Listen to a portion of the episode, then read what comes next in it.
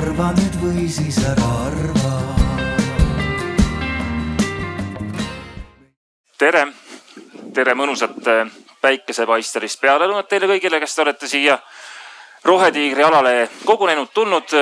kui olete veel kaugemal, soovitan lähemale tulla, sest kuigi meil on mikrofonid ja räägime kõva häälega, siis äh, siit lähemalt on kindlasti meid mõnusam kuulata me oleme alustamas aruteluringi teemal, millist uut majandusmudelit vajame ja kuidas uut majandusmudelit finantseerida. minu nimi on Mihkel Tamm ja igapäevaselt töötan ma LHV-s eh, jätkusuutlikkuse spetsialistina. allun siis eh, otseselt ESG valdkonna juhile ehk siis ESG on siis environmental, social and governance ehk meie vaatame tegelikult LHV-s kogu seda, ütleme poolt natukene laiemalt, et mitte see ainult keskkond, vaid ka sotsiaalne juhtimine ja, ja tegelikult ka, ka läbipaistev ja ka läbipaistvus üleüldiselt. ja ma tegelikult arvan, et seetõttu, mida ma siis igapäevaselt teen, ongi see põhjus, miks siis eh, Rohetiiger palus, et ma antud eh, teemat modereeriksin ja noh, teisalt, kes Eeva Truuverki teab, siis proovige Eevale ei öelda, see on suhteliselt keeruline Eh, pankurite kohta öeldakse ikka, et need kõik on ju kapitalistlikud sead. Samas eh, näeme me ühiskonnas tegelikult vägagi selgelt, et kapitalismi ja lineaarse majandusmudeliga edasi minna ja jätkamine sellisel kujul, nagu me seda siiamaani teinud oleme, on noh, ei ole kestlik. see ei ole kindlasti populistlik lähenemine, et tunnistada tehtud vigasid, leppida ja võtta vastu uus suund. natukene sarnane nagu, nagu ütleme kiilaneva peaga, et kõigepealt sa üritad seda varjata siis tunnistad endale, noh nagu ma olen teinud, et äh, näed, ei ole paranemisvõimalust ja siis äh, hästi kalli raha eest sealt uuesti nagu välja tulla, et hakata seal istutama midagi uut, et noh, nagu näha, siis ma sinna kolmandale teele ei ole läinud ja loodetavasti ei lähe ka. Ehm,. mulle tundub, et sarnaselt me olemegi tegelikult liikumas ka meie majandusmudelit vaadates, kuid äh, millist uut majandusmudelit me vajaksime, kuidas seda finantseerida? Kuidas tõsta esiplaanile loodus ja leida sellest kõigest tasakaal Nendesse teemadesse oleme täna sukeldumas eh, ühiselt meie panelistidega ja teiega koos, hea publikum. kuna eh, mina tean kõiki paneliste, aga teie võib-olla ei tea, siis eh, ma paluksin järjest siit enda vasakult käelt. head inimesed, palun tutvustage ennast meile kõigile, kes me täna siin istume. Äh, minu nimi on Maiko äh, ja suur tänu Rohetiigrile, et te mind siia kutsusite rääkima äh, minu lugu on selline, et ähm, kunagi noorena sai kihutatud äh, kapitalistlikusse maailma suuri-suuri eesmärke saavutama. ja äh, rahvusvaheline karjäär viis mind erinevatesse korporatsioonidesse, äh, startup idesse. sain ka ise proovida sotsiaalset ettevõtet ehitada, kuid midagi oli viltu. ja siis kolmekümnendates otsustasin, et ma lähen magistrisse ja õpin neid et uurida seda, äh, kuidas saaks süsteemi muuta niimoodi, et äh, me hooliksime looduskeskkonnast paremini, aga samas nagu ka arvestaksime äh, teiste ühiskonnagruppidega, kes ei ole nii priviligeeritud. ja viimased aasta aega ma olen õppinud Barcelonas tasaarengut ja poliitökoloogiat ja täna ma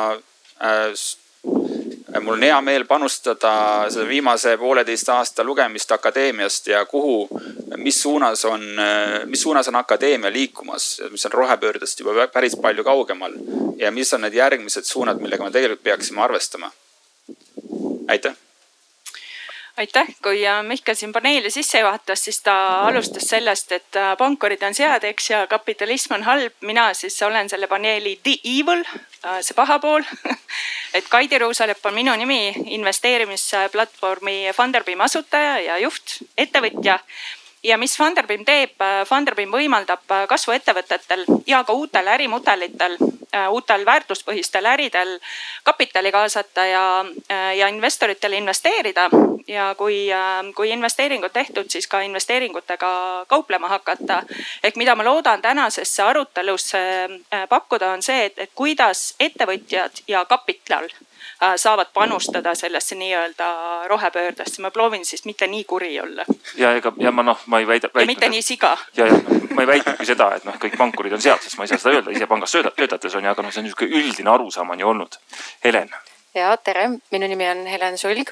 me oleme ka, minu organisatsioon KIK on Rohetiigrite partner. ja minu taust on see, et tegelikult ma olen KIK-is juba siis sellest ajast, kui KIK oli kuuekuune. Ja siis ma olin seal kümme aastat ja puutusin hästi tihedalt kokku sellega, et kuidas riik keskkonnatasud kokku kogub ja siis need tagasi investeerib keskkonda. Ja teiselt poolt siis ka juba sel ajal käivitus kogu see Euroopa Liiduga liitumine ja eurotoetuste maailm, et ma tunnen siis seda maailma, et kuidas riik nügib keskkonna valdkonda, aitab seal hoida seda kestliku arengu põhimõtet ja lippu kõrgel ja siis vahepeal nüüd äh, kümme aastat äh, olin tegelikult hoopis seotud sellise hariduse arenduse ja tervisearenduse teemadega, et äh, aitasin ühte riigigümnaasiumi käivitada kaks pool aastat ja siis tegime sellist kampaaniat nagu joome pole vähem. et parandasime sedapidi oma arust Eestit. ja jah, nüüd olen siis Rohetiigriga ka kokku puutunud viimased võib-olla pool aastat või umbes nii see, see on rõõm.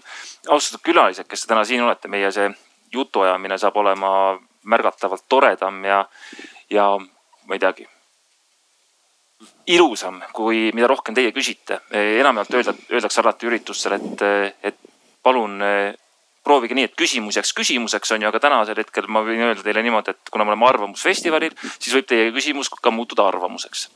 nii et kui te vähekenegi tunnete tahtmist ja soovi midagi siis meie panelistide käest küsida või oma arvamust natukene avaldada, siis palun andke käega märku, meie toredad assistendid siin tulevad, hüppavad kohe mikrofoniga teie juurde ja, ja saategi oma küsimuse ette kanda.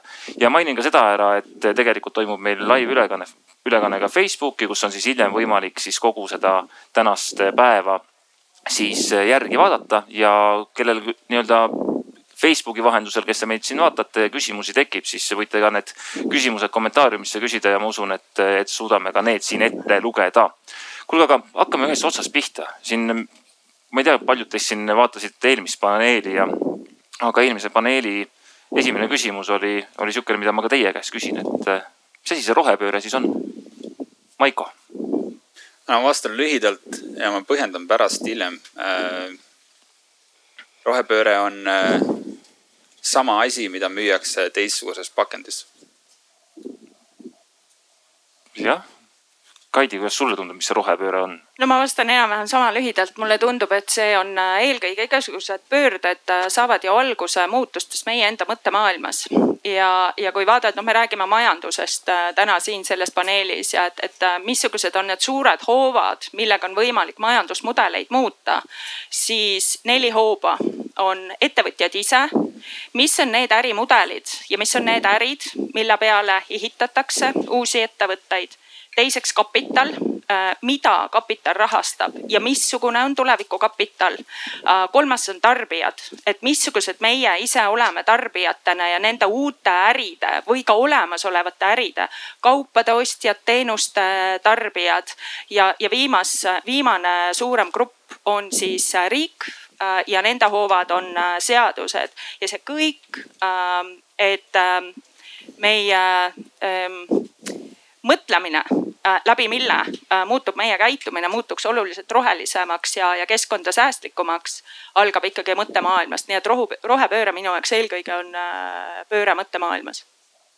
Helen, kuidas sulle tundub, kas see on pööre mõttemaailmas või, või mis see on?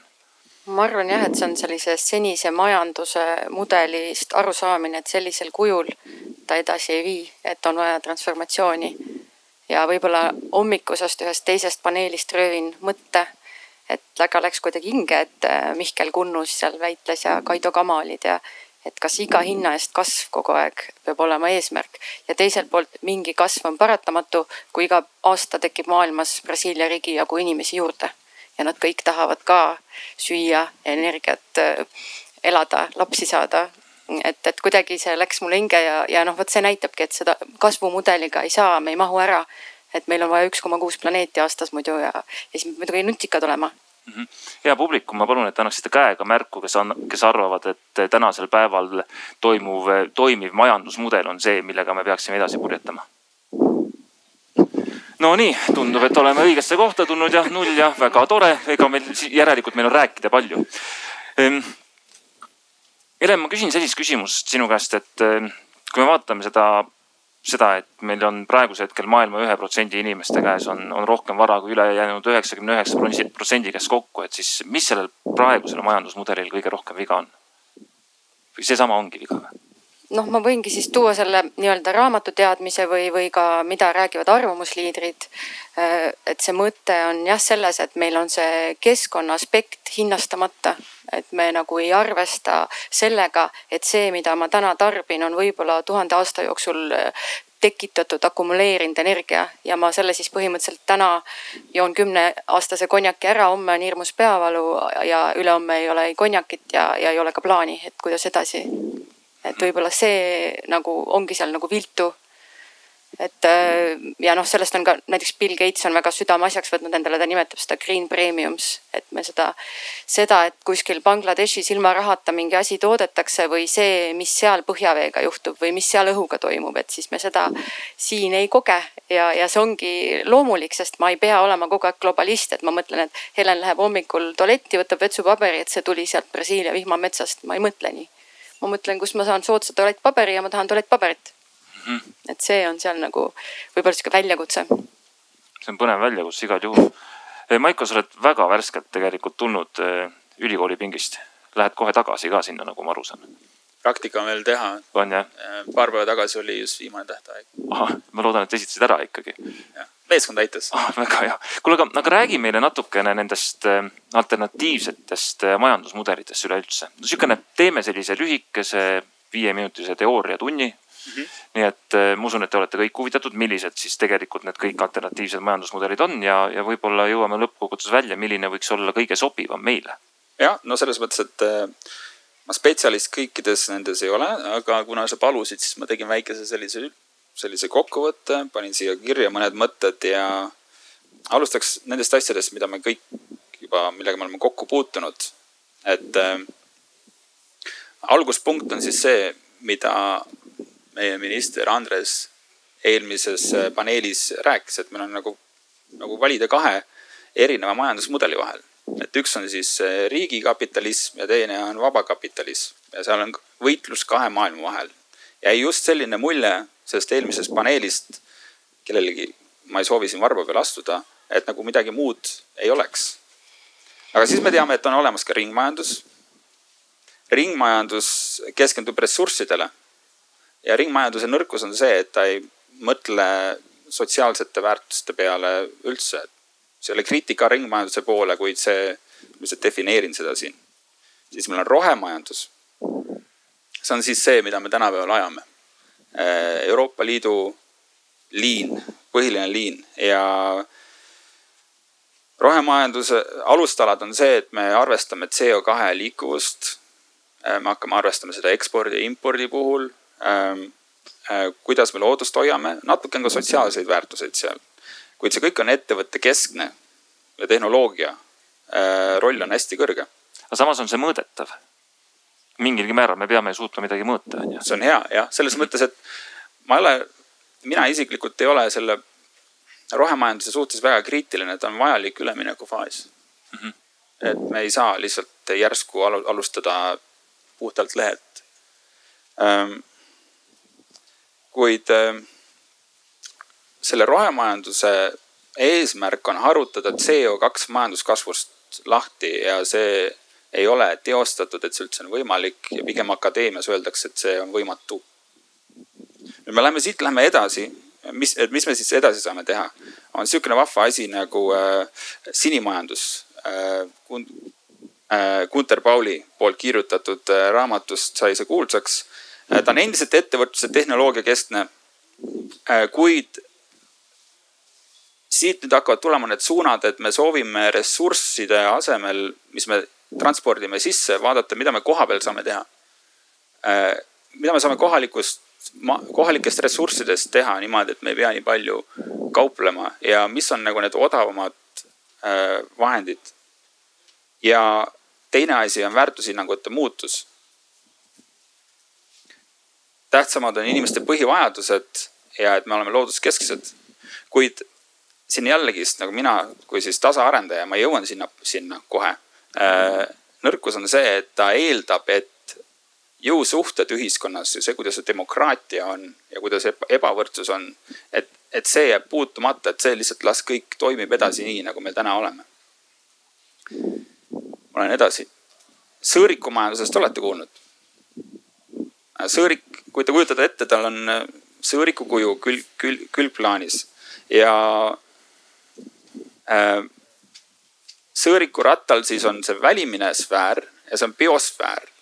kui me kasutame liiga palju majandust ja ressursse, siis me tungime biosfääri me, ja me rikume süsteemi ära, kõik kukub kokku. sõõrikul on sisemine sfäär. seal on sotsiaalsed väärtused.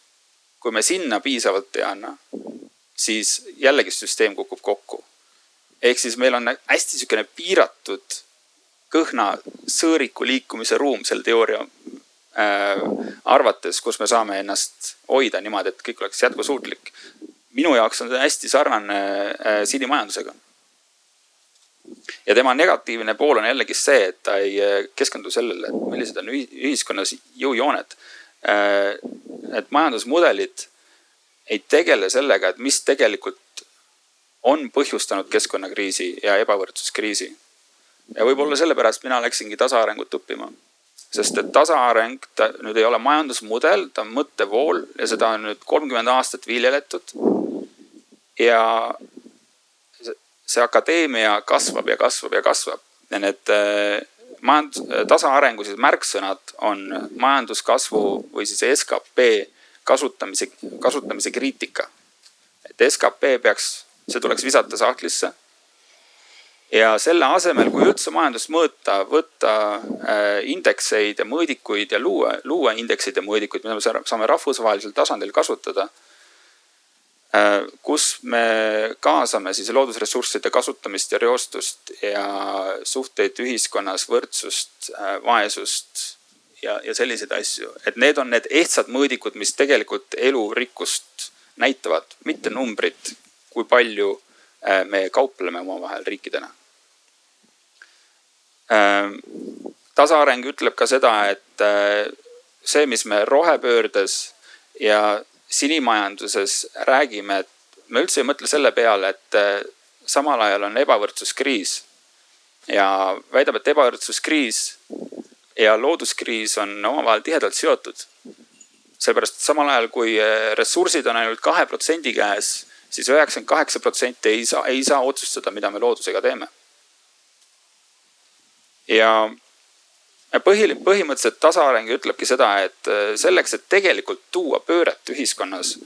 Äh, me peame muutma seda, kuidas demokraatia toimib. näiteks otsedemokraatia oleks variant, kuidas saaks hästi paljud hääled palju rohkem kuuldavamaks. sest tänapäeval äh, rahaga valitakse, kahjuks on see nii. ja, ja ka see, kuidas me ettevõtte keskkonnas toimime, kas äh, kas ettevõtte töötajad äh, saavad ka palka kapitalis, kas nad on ka osanikud? või siis see, et kas me peame tegema, tingimata tegema ettevõtteid või siis äh, äh, me võime ka teha ühistud.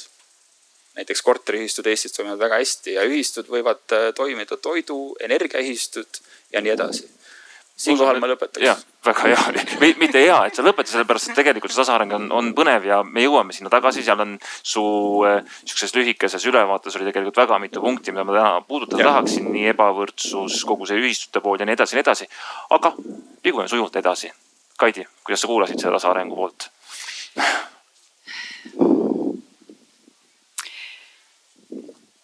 Nii äh,, tek-, jah tekib väga palju erinevaid tundeid, eks, et äh, ettevõtjate poole pealt vaadates äh, ühtepidi, eks, et mis ettevõtja teeb, ettevõte ehitab üles äri. selle äri ülesehitamise käigus ta võtab riske ja nüüd äh, alati on ja, ja kui ettevõte üles ehitatakse, noh siis on, on äh, erinevad ettevõtlusvormid, kes on siis äh, nii-öelda maapinnast ressursse kasutav ja, ja selle pealt väärtust loov ettevõtlusvorm, teenusettevõtted, aga kõik see, et töötajad omanikuks muutuvad, minu meelest siin ei ole nagu väga palju arutada, et see on selline loomulik liikumisviis, mida kaudu enamus kaasaegseid ettevõtteid tänapäeval töötab, et töötajatel on väike osalus ettevõttes ja ja sedakaudu seda nii-öelda äh, majanduslikku äh, võrdsust äh, või ebavõrdsust vähendada aga, aga kogu selle diskussiooni käigus meil oli Maikoga enne ka, sõime koos pannkooki ja arutasime ja vaidlesime, eks, et, et kuidas leida selline tasakaal, et ettevõtjatelt ei võeta ära seda riski soovi, soovi ehitada uusi ettevõtteid, soovi palgata töötajaid, soovi maksta makse, maksta töötajatele palka, läbi selle muuta töötajad siis omanikuks, eh, eks. ja, ja, ja ja teistpidi eh, saades väga hästi ise aru sellest, et praegune majandusmudel meid väga palju edasi ei vii et äh, kuidas leida riskitaluvuse, ettevõtjate riskitaluvuse, ettevõtete ehitamise, majanduse ja kogu ülejäänud, mis on seal siis, räägime keskkonnast, räägime ühiskondlikust võrdsusest, räägime äh, majanduslikust võrdsusest ja ebavõrdsusest, et me leiame seal sellise äh, tasakaalu. see saab olema päris huvitav, eks ja, ja kui me ettevõtjate poole pealt vaatame, et, et mis on need uued ettevõtlus ähm, või ettevõtted ja need ärid, mida luuakse, aga teistpidi ka, et, et mis on see kapital ja, ja uus kapital, et hiljem, kui me diskuteerime, ma toon natukene näiteid, kuidas kapital ja rahastus ka, mida ma näen viie aasta jooksul äh, nii riskikapitalistidega kui, kui erinevate teiste rahastajatega suheldes, kuidas see on äh, muutumas ja, ja kõige paremas mõttes paremuse poole muutumas, et mida tegelikult rahastatakse. Ja et raha ja kapital on muutunud äh, see patient on inglise keeles väga hea sõna, aga, aga ta on muutunud rahulikumaks ja tal on aega oodata, millal tekib nii-öelda ähm, kapitalile tekib, kapital hakkab kasvama, eks, et, et äh, kui me vaatame kapitali seal võib-olla kolmkümmend aastat äh, tagasi või isegi kakskümmend aastat tagasi, et täna lähen sisse. ma tahan juba viie aasta pärast oma kapitali või investeeringutelt kasumit saada, siis, siis see äh, praegu, et, et viieteist-aastased investeeringud, kahekümne aastased investeeringud. see hakkab muutuma normiks, eks mm. -hmm aga, aga me jõuame hiljem ilmselt kapitalist rääkima, nii et see tasakaal just nimelt ka see, nagu ma ütlesin, ettevõtjate riski äh, riskisoovi ja, ja ülejäänud tasakaalu vahel, kuidas me selle leiame? Helen, ma tean, sul on ka tasaarengust on väga, väga kindel arusaam. no iseenesest mulle meeldisid väga need äh, plussid ja miinused, mis sa välja tõid äh, iga selle mudeli puhul. et äh, ja noh, ilmselt see tasa võiks olla ja mida ma tabasin ennast mõtted lihtsalt, et huvitav, et kas see on liiga ideaalne või või liiga selline ulmeline, et, et huvitav, et kuidas see siis valimistel juhtuks, et tulebki selline tasaarengupartei või. ja siis rahvas läheb, hääletab jalgadega ja ütleb, et kuule ei, et ma ei usu enam seda corporate juttu ja ma tahan nagu näha mingit totaalset muutust, on ju ja, ja teine, mis ma jäin mõtlema, et selle tasaarengu mudeli puhul, et huvitav, et kas siis need suured korporatiivettevõtted, kas nende arv ja mõjuvõim muutub. et äh, on ju neid futurolooge, kes ütlevad, et vastupidi, et nemad tulevikus juhivad riike. et meil ei olegi enam neid geograafilisi riike, vaid meil on Google'i nimeline või, või siis äh, kes meil seal on, kust me tellime neid oma asju põhiliselt, eks ju. et äh, kuidagi jäin selle üle mõtlema, et huvitav, et, et kuidas need suured siis sellesse tasaarengu mudelisse nagu ära mahuvad et sest muidu see tasaareng kõlab hästi sihuke kogukondlik ja väike minu jaoks või sihuke detsentraliseeritud. sihuke lokaalne mm. -hmm. no aga lokaalne majandus on ka mingil määral see, kuhu poole me ju võiksime liikuda, on ju, või peaksime liikuma või kas on? nojah, ja Sõõrikuga tuli ka kohe see viieteist minuti linn, et see on samamoodi sihuke ühe selle kummipaelaga ja maksimum ja seal oma kogukonnas ma toimetan ja sealt ma ostan oma toidu, sinna ma, seal ma harin, seal ma shoppan, käin õmbleja juures. et ma elan selles enda sektsioonis. ma, ma võib-olla lisan siia juurde, et äh, vaadates seda, kui äh, võrgustunud on kogu maailm äh, praegu, mitte ainult läbi tehnoloogia, vaid selle, et, et inimestel võib olla väga palju erinevaid elukohti ja lapsed ka, et, et talvel käivad nad ühel pool maakera koolis ja, ja suvel on, on siis teisel pool maailm, maakera koolis. ettevõtted on kõik rahvusvahelised, et ka kui me mõtleme selle kogukondliku elemendi peale, siis tegelikult inimesed ja tarbijad ja ettevõtted võivad panustada väga erinevatesse kogukondadesse ja, ja läbi selle tekib ka kogukondade vahel äh, seos, nii et, et me ka selle uue mõtlemist me ei tohi tuua mingis mõttes ka liiga lokaalseks, sellepärast et me ei ole enam lokaalsed. selle kohta on väljend glocal. Local, vot. Local jah. globaalne, lokaalne. kas meil on tekkinud vahepeal publikus ka mõtteid? on, no super. Eh, mikrofon on minu käes, nii et eh, Eva, kui sa oleksid nii hea ja ulataksid palun sinnapoole. Tiit Eleonor ma tahaks kutsuda üles natuke tooma välja ka mõningaid potentsiaalseid vastuolusid, eks ole, selles viimati mainitud majandusmudelis. noh, näiteks kui me räägime töötajate poolt omatavatest ettevõtetest, noh, mille üheks vormiks on, eks ju, ühistud, aga mitte ainult. Et ega nendel on ju pikk ajalugu, eks ole, noh, võtame niimoodi tarbijate ühistud, eks ole, on ju väga pika ajalugu ja tulles siin isegi Hispaania näitel Mondragoni, eks ole, kooperatiiv.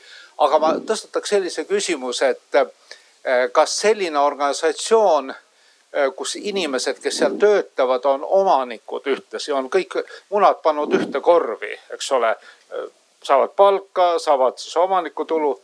Kas need on väga innovatiivsed või on nad pigem pikema ajaloo puhul konservatiivsed ja kas on häid näiteid mõningaid just nimelt aastakümneid rohelist mõtteviisi arendanud äriühingutest, kus kõik töötajad on omanikud? et noh, saate aru, minu küsimusel on nagu varjatud selline väide, et pigem sellised organisatsioonid, kus kapital ja töö on noh, täielikult ühendatud, ei ole innovaatilised ja ei, ei lähe selle peale, et hüpata olemasolevalt ärimudelilt mingile uuele tehnoloogiale. aitäh küsimuse eest. mulle tundub, et see oli sulle suunatud, Maiko. mulle tundus ka. see ei olnudki täpselt selja taga. see olin mina jah mm. -hmm. mulle meeldib täpselt samamoodi see Mondragoni näide. ja kusjuures ma ütlen ette ära ka kohe, et ega ajalugu ei ole piisavalt meile andnud võimalust edukaid näiteid veel tuua. Need on praegult on see aeg käes ja tulevikugeneratsioonid, kes siis saavad neid vastuseid tuua, kuid Mondragon, mis siis on, ma võin eksida numbritega, mille aastakäive on kusagil viisteist miljardit eurot, on maailma suurim ühistu, kus, mis asutati seal kusagil tuhande üheksasaja viiekümnendatel Baskimaal Põhja, Põhja-Hispaanias. Või enne seda, ja kusagil seal jah, et ja ja see ühistu on kasvanud selliseks, kus neil on oma pank, neil on oma haridussüsteem. Neil on, seal on sadu, kui mitte tuhandeid kooperatiive. ehk siis, kui keegi tahab selle ühistu liikmeks hakata, ma tulen selle innovatsiooni juurde, et kui kellelgi seal piirkonnas, kuna ta keskendub rohkem seal Baskimaa piirkonnale, on mingisugune idee, et nad tahavad teha sellise tegevuse, siis äh, nad astuvad sinna ühistusse tehes samad, samuti alginvesteeringu kusagil kolm kuu, kolme kuu palk või midagi taolist, äh, mille nad saavad siis sellelt äh, Mondragoni äh, pangalt ja asutavad oma tegevuse. Ja Mondragon näiteks on esimene äh, esimene ettevõtmine üldse terves Hispaanias, kes leiutas roboti. Mondragon oli äh, Äh, suurim, kui ma ei eksi, külmkappide tootja äh, Hispaanias, kui mitte terves ladina kultuuris. Neid näiteid tegelikult on. vastasin küsimusele. näite võrra on küll, eks ole, aga noh, lihtsalt küsida nii, et jah, ütleme nii, et loomulikult võib tuua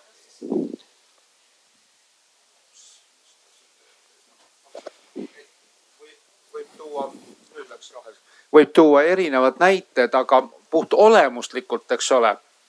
kui mul on tööpaik eh, ja investeeringud ühes kohas, eks ole, siis ma pigem olen huvitatud selle organisatsiooni jätkusuutlikust arengust, eks ole eh, kui ma näeksin mingit uut ärivõimalust, mul on väga raske, eks ole, eh, hakata äriingliks või riskikapitalistiks, eks ole et eh, noh, ma näen nagu teatud vastuolu, ütleme sellise eh, eh, ärimudeli vahel, kus ühel pool on asutajad ja teisel pool on äriinglid ja sellise nii-öelda kolhoosli, noh, ma ei taha öelda midagi ah, kolhoos või erinevate inimeste jaoks olla positiivne või negatiivne tähendus, aga oma olemuselt, eks ole, kolhooslik lähenemine, isegi kui see on efektiivne kolhoos, ei vii selleni, et me ütleme nii, et oi, et me enam ei tegele äh,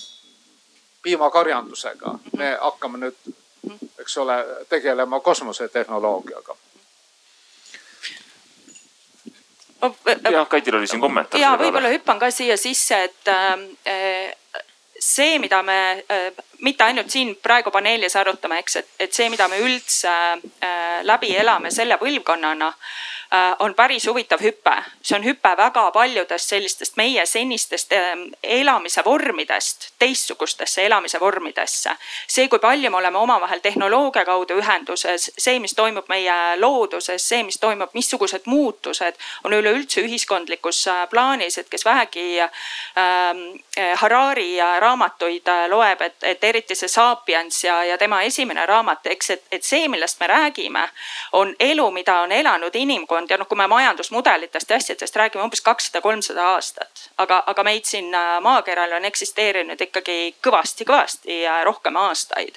ja, ja nüüd me kuidagi oleme jõudnud sellisesse faasi, et me arutame, et kas me ikkagi saame muuta seda, mis on juba sisse töötatud.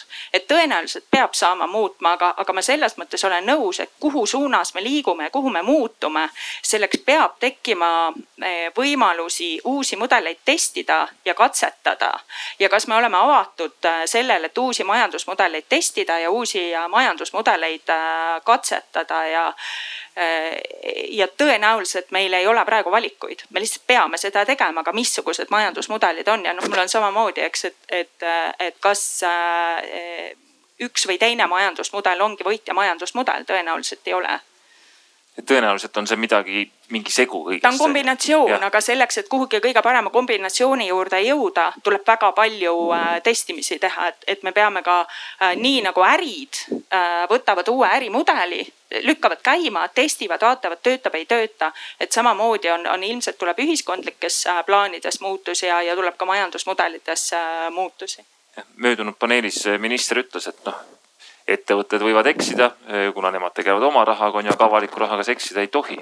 et eh, siis sa saad eh, väga suure surve peale.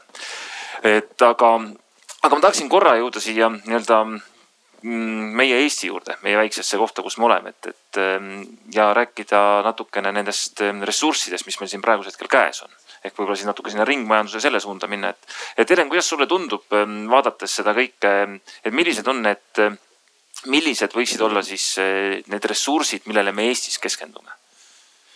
mida me siin kasutame? no võib-olla me väga palju ei teadvusta, kui kõva ressurss on, et meil on puhas õhk, muld, vesi. aga kindlasti, mida jälle sihuke mõtteline ressurss on see digi et äh, kui siis jah, teised maailma riigid räägivad, et hops, me läksime paberilt PDF-i, siis meie räägime juba väga edasi arenenud tehisintellekti põhiseidest äh, kodanikulahendustest, nii edasi. et võib-olla siin ma jah, nagu lähen väga sellesse eelmise paneeli ja härra Suti äh, koolkonda, et tegelikult selle digipotentsiaali ärakasutamine, momentumi, et mida te ka siin Rohetiigriga olete edendanud, seda mõõdikute teemat on ju, et seal võib olla meie tugevus, sest me oleme hästi hea väike mudelriik, kus sihukest asja läbi proovida. et kas näiteks inimese jalajälg, ettevõtte jalajälg, ettevõtete omavaheliste tehingute selle keskkonnamõõdiku sissetoomine, et see on nagu Eesti tugevus, ma arvan aga muidugi ühistulises ma olen ka nagu nõus, et meil on esiteks see sotsialismuse taak ja meil on hirm selle ees, et äh, see võtab nagu, nillib need andekad ära, võtab riskijulguse ära, see kollektiivis omamine on eestlasele vastumeelne, et äh, me nagu väga ei taha naabritega koos traktorit omada, sest meil on kindlasti see tunne, et naabrimees midagi lõhub seal ära või läbustab ära või kukub kraavi, onju. et võib-olla see olemuslikult me ei ole nagu väga harjunud sellises äh, mm, kambas või kollektiivselt tegutsema, et, et see see kogukondlikkus on võib-olla sihuke uus asi meie jaoks, et mitte, et ta nüüd võimatu asi on, aga, aga ta on kindlasti midagi uut jah, ma ütlen ausalt, et mina tegelikult hüpates korra selle mõõdikute teema peale, et mm. Äh, ma väga loodan, ootan, et Rohetiiger suudab tulla selle mõõdikute süsteemiga välja. Elame, näeme, vaatame mm., elame, näeme, aga, aga just see kogukondlik on ju, et see on kogukondlikult tähendab ju seda, et, et me peaksime noh, natukene on see tuleviku tarbija, on see, kes tegelikult seda muutust ellu viib. Kaidi, milline see tuleviku tarbija on, millega tuleviku tarbija hääletab, kuidas tuleviku tarbija investeerib? ja see on, see on hea küsimus. aitäh aitäh see on selles mõttes hea äh, küsimus, et kui ma vaatasin tegelikult, äh, ma tegin äh, ringi siin Arvamusfestivali peale ja kui ma vaatasin, et kes arvab, kes on laval, kes arvab, siis vabandust, aga me enamasti oleme nelikümmend pluss või viiskümmend pluss või, või tihti ka kuuskümmend pluss, kes me laval arvame. ehk, ehk me muudame seda, me muudame uue põlvkonna jaoks, uus põlvkond on kakskümmend pluss, noh enamasti ka kümme pluss, et, et ka noored, kes siin äh, ringi käivad. et kuidas me suudame olla sillaks ähm, uute tarbijate ja meie enda tarbimisharjumuste ja meie enda majandusmudelite, meie enda ärimudelite vahel. et see on päris raske ja mina võtsin näiteks ette üks äh, ülinutikas äh, Eesti tüdruk Hanna Segerkrantz lõpetas nüüd Eidenhoveni disainiakadeemia ja tema tegeleb just nimelt selliste disainiteemadega ja disainmõtlemisega, et kuidas ju luua, luua ja säilitada tasakaal meie enda elu ja, ja looduse ja, ja majanduse vahel. ja, ja arutasime temaga neid äh, erinevaid äh, teemasid ja selle noore põlvkonna teemasid. Ja mina püüdsin mõista, kuidas mõtleb äh, noor põlvkond. Ja noor põlvkond mõtleb igas mõttes väga ressursisäästlikult ja, ja üks, ta andis kaks väga huvitavat mõtet mulle kaasa siia diskussiooni. üks, mis puudutab eelkõige loodust ja meie enda nii-öelda ressursside vajadust et kui me vaatame loodust, siis loodus sisuliselt pakub meile ju äh, kataloogi. et võtame energia, missugused on energiaallikad, me oleme väga harjunud või et, et me kasutame fossiilkütust. aga, aga kust tuleb veel äh, energiaallikaid, mida me saame äh,, nii kuskilt tekkis Kaja et, et kust me saame veel energiat, noh päikesepaneelidest on äh, räägitud, siin on, on räägitud äh, erinevatest äh, muudest energiaallikatest. samamoodi, kui me räägime materjalidest, noh, me kõik anname riideid, eks, et, et kust me saame materjali selleks, et teha riideid, et. et me oleme harjunud väga palju puuvilla, aga, aga kui mõelda sellele, kui palju, kus kohas kasvab puuvill ja kui palju vett näiteks tuleb äh, äh, kasutada selleks, et, et puuvilla kasvatada ja puuvillast sisuliselt on kasutatav või ainult viiskümmend protsenti. äkki me saame selle lükata hoopis kanepisse, kus on kanepikiud, aga kanepitaim kui selline on sada protsenti ärakasutatav. ehk noor põlvkond mõtleb sellele, et kui äh, loodus pakub meile kataloogi, siis kuidas me leiame sealt sellest nii-öelda kataloogist ressursid, mis selle uue põlvkonna elu siin kolmekümne, neljakümne aasta pärast planeedil Eestil teeb elamisväärseks. ja teine huvitav mõte, eh, mis me oma eh, arenduskäigus eh, edasi jõudsime, et ähm, rääkides nüüd äridest, eks, et siis äri eesmärk on oma aktsionäride kasumi kasvatamine, kasumi maksimeerimine. aga mis siis, kui üheks aktsionäriks oleks loodus? See tundub täiesti ulme mõte, eks, aga et, et kui üks omanik või üks aktsionär või nii-öelda üks stakeholder ongi loodus. et kui me hakkame mõtlema seda, et kui me oma ärides äh, maksimeerime osanike äh, kasu, siis kuidas loodus meie tegevusest äh, saaks kasu. nii et, et mulle tundub, et see äh, uus põlvkond on, on väga äh, väga selline äh, kaasamõtlev omaenda elukeskkonna kontekstis äh, kaasamõtlev ja ka üks sihuke hästi konkreetne näide, et, et kui Funderbeamis rahastab siis uusi kaasaegseid Äh, ettevõtteid ja ärimudeleid. Äh, Kalev enne jooksis siin Fermi Energia näiteks äh, kaasas Funderbeami kaudu kapitali ja kaasas väga edukalt kapitali ja, ja kui me vaatame ja aru, rääkisime investoritega, et miks nad investeerivad, siis väga paljud ütlesid, et nad ei vaata seda kui finantsinvesteeringut. Nad vaatavad seda kui väärtusinvesteeringut ehk, ehk tuleb uus kapital, tuleb noor kapital ja tuleb nii-öelda oma ostude mõtte Äh, mõttemaailma, aga tuleb ka oma rahastamismudelitega hoopis teistus, teistsugusel kujul taha. ja Maicol oli siin, oli kommentaar. ja mulle meeldis see, see näide selles mõttes, et loodus võiks olla aktsionär, väga meeldib ja sellega mul tuli meelde, äh, kuidas äh, Alaskal maksustatakse siis naftafirmade puuritud naftat ja see kasumiprotsent, mis nad sealt saavad Äh, Alaskal on, on endiselt korralik, kuid hästi suur summa sellest läheb siis Alaska osariigile, kes siis jagab selle ära, mis midagi läheb seal loodusele, loodushoiule. kuid sellest tekib põhimõtteliselt kodanikupalk või sihuke kodanikukasum.